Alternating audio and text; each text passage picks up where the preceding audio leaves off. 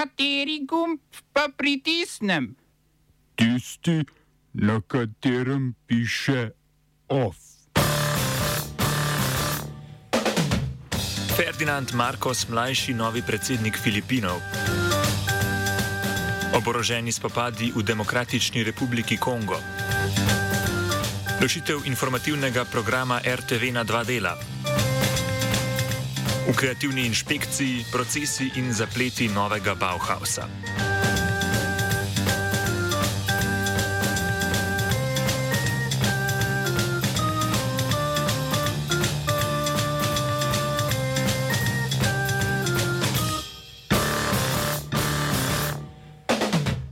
Pozdravljeni. Na Filipinih so se včeraj zaključile predsedniške volitve, na katerih so voljivci izbirali naslednika Rodriga Duterteja.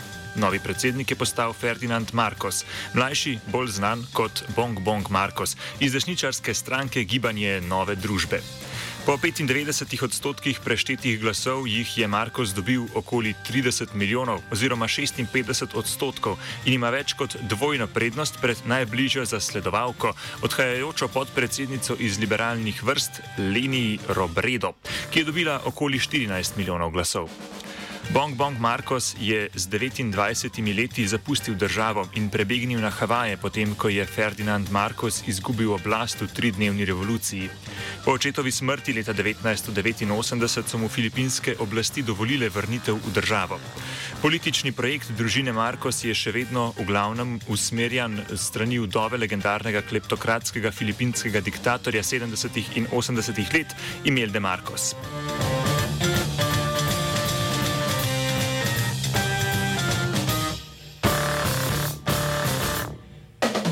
Po odstopu premijeja Mahinda Rajapaksa se na Šrilanki nadaljujejo nasilni protesti.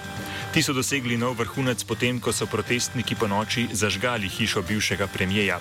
V zgodnih jutranjih urah je morala posredovati vojska in premijeja rešiti iz njegovega doma ter ga odpeljati na neznano lokacijo. Vojska in policija sta zaradi izgredov dobili pooblastila, da lahko brez naloga aretirata kogarkoli. Vojska lahko ljudi brez razloga pridrži za 24 ur, v veljavo pa je stopila tudi policijska ura. Šrilanka se že dlje časa sooča s padcem vrednosti svoje valute, zaradi katerega ne more več plačevati uvoza surovin, predvsem energentov, posledično pa tamkajšnja gospodarska kriza vse bolj postaja tudi humanitarna.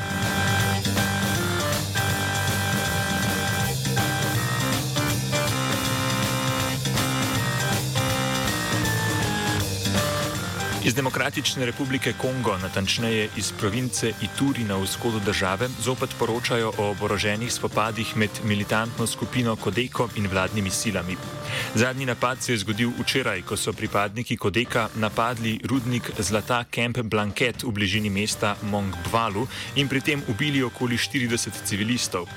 Kodeko je militantna skupina, strukturirana znotraj verske sekte, ki naj bi ščitila interese skupnosti Lendu ter jo branila pred napadi vladnih sil in skupnostjo Hema. Ti dve skupnosti sta se v vojno zapletli že med letoma 1999 in 2003. Provinci Ituri in Severni Kivu sta od maja 2021 oblegani, kar daje vsa pooblastila vojski in policiji Demokratične republike Kongo, da izvajata varnostne akcije v vzhodnem delu države. To je bil že drugi napad Kodeka na civilno prebivalstvo. Prvega so izvedli februarja letos, tudi takrat so bile vse smrtne žrtve civilisti. Oba, če, če bom odgovoril na angliški. Slovenija will try to help.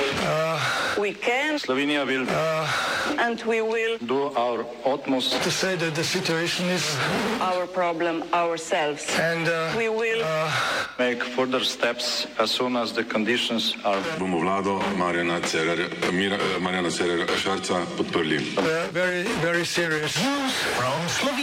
we know how and we will. V državnem zboru je potekal prvi sestanek začasnih vodij novih poslanskih skupin o poteku konstitutivne seje novega državnega zbora, ki bo potekala v petek. Na prvi seji bodo poslanci poleg potrditve mandatov, sestave mandatno-volilne komisije in glasovanja o novem predsedniku državnega zbora odločali še o podpredsedniških podpredsednikih državnega zbora, generalnem sekretarju in sestavi delovnih teles državnega zbora. Mesto predsednika MVK bo pripadlo stranki Gibanje Svoboda, prav tako naj bi mesto predsednice državnega zbora zasedla podpredsednica Gibanja Svoboda Urška Klakočar Zupančič, medtem ko bo podpredsednica državnega zbora iz vrst SD-ja. Po besedah Damjana Zrima iz vrst socialdemokratov sta možnosti le dve. Ponovno izvoljeni poslanki Mejra Hot in Bojana Muršič. Kandidat za generalnega sekretarja državnega zbora je poslanec LMŠ-ja Robert Pavšič. V poslanskih skupinah SDS-a in NSI-ja mu niso naklonjeni, saj naj bi generalni sekretar skrbel za interese vseh poslanskih skupin, tako opozicije kot koalicije. V sredo se nadaljujejo koalicijska pogajanja, po katerih bo več znanega tudi o morebitnih kandidatih za ministerska mesta.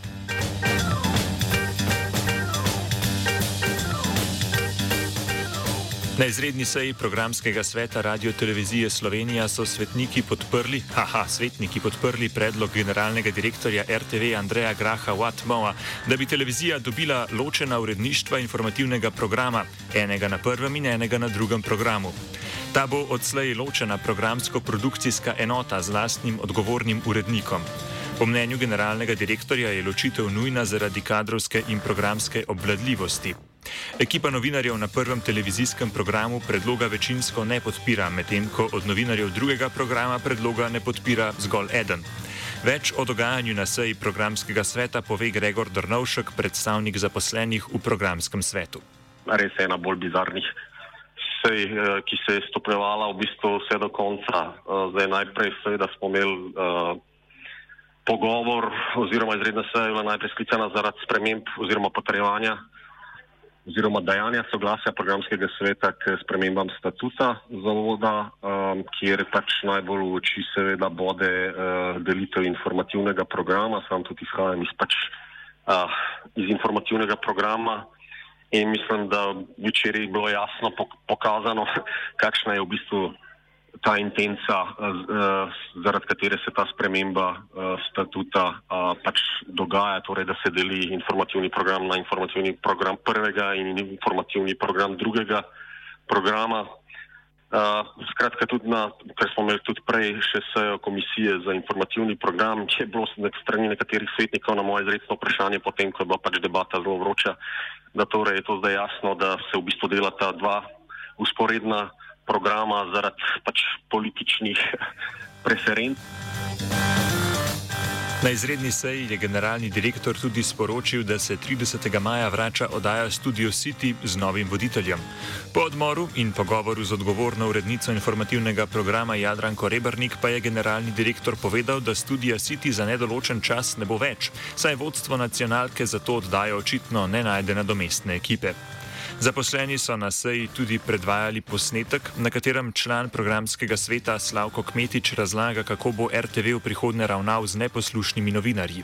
Tudi svetniki strani zaposlenih zahtevali in na koncu tudi uspeli, da se pač predvaja tudi filmček uh, z, pač po našem mnenju, prav tako grožnjami, ki so bile izrečene na neki javni tribuni, kot ko pač oporekajo Marcelu, ki jih je, izda, ki jih je podajal pač programski svetnik to je bil Slavko Kmetič in kjer jasno kaže, na kakšen način uh, vem, se vodi ta hiša v tem trenutku in kaj vse bi se moralo narediti, pa na kakšen način, od grožen, da, da je treba dva do tri pač zaposlene odpustiti, da bo pol mer, pa da bomo zmagali po 24. ko bomo zmagali, da bomo takrat red naredili in tako naprej.